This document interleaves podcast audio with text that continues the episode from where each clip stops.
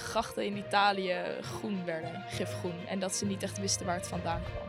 Het was de drugsbezochte editie van het jaar en er stond een homofobische band die afsloot. Dat is dan toch een beetje teleurstellend.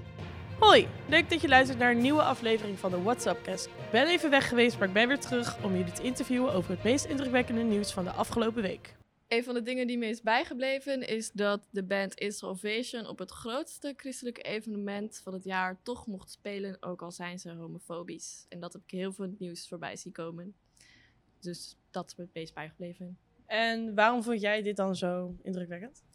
Omdat het uh, de Pinksterconferentie dicht bij mijn woonplaats is, waar ik vroeger woonde.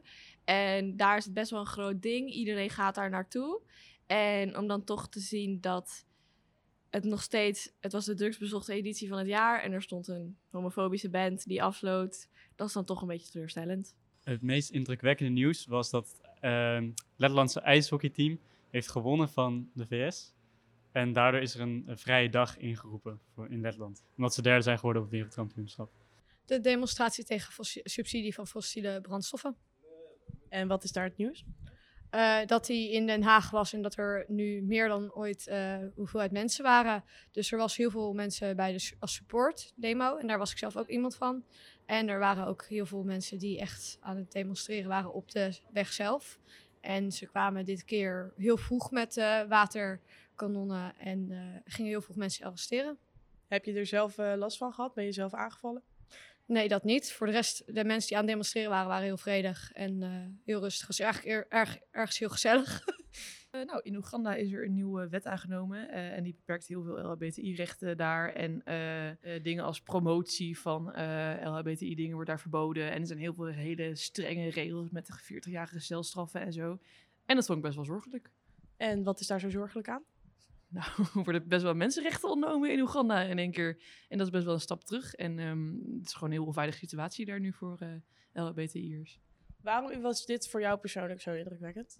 Uh, nou, ik ben zelf bi en ik vind het gewoon heel heftig om te zien dat het in sommige landen zo strafbaar is en dat daar gewoon zo'n uh, heftig uh, regime heerst.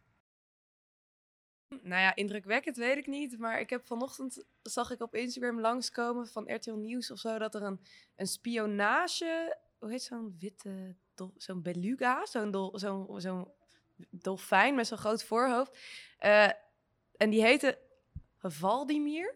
En dat was dan een speling op Vladimir.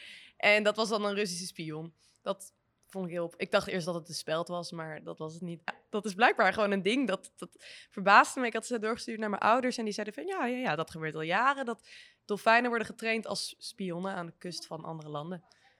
En die hebben dan een camera of, een, of, of, of kunnen ze opeens praten?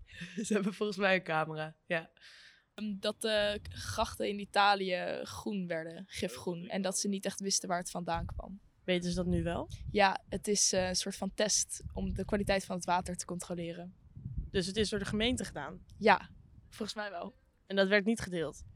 Nee, dat is dus nu achteraf gedeeld. Maar ze, eerst wisten mensen niet waar het vandaan kwam en dachten ze dat het misschien een klimaatactie was. Ik hoorde dat de Aziatische hoornaar nu overal in Nederland te vinden is. Uh, en dat is een probleem? Ja, ik heb ooit eentje in mijn kamer gehad. Het was niet heel nice. Ik uh, ben de hele dag ook niet in mijn kamer geweest. Maar uh, ja, het zijn gewoon echt hele grote beesten. En volgens mij best wel gevaarlijk. Dus niet heel nice. Leuk dat je luisterde. Tot over twee weken.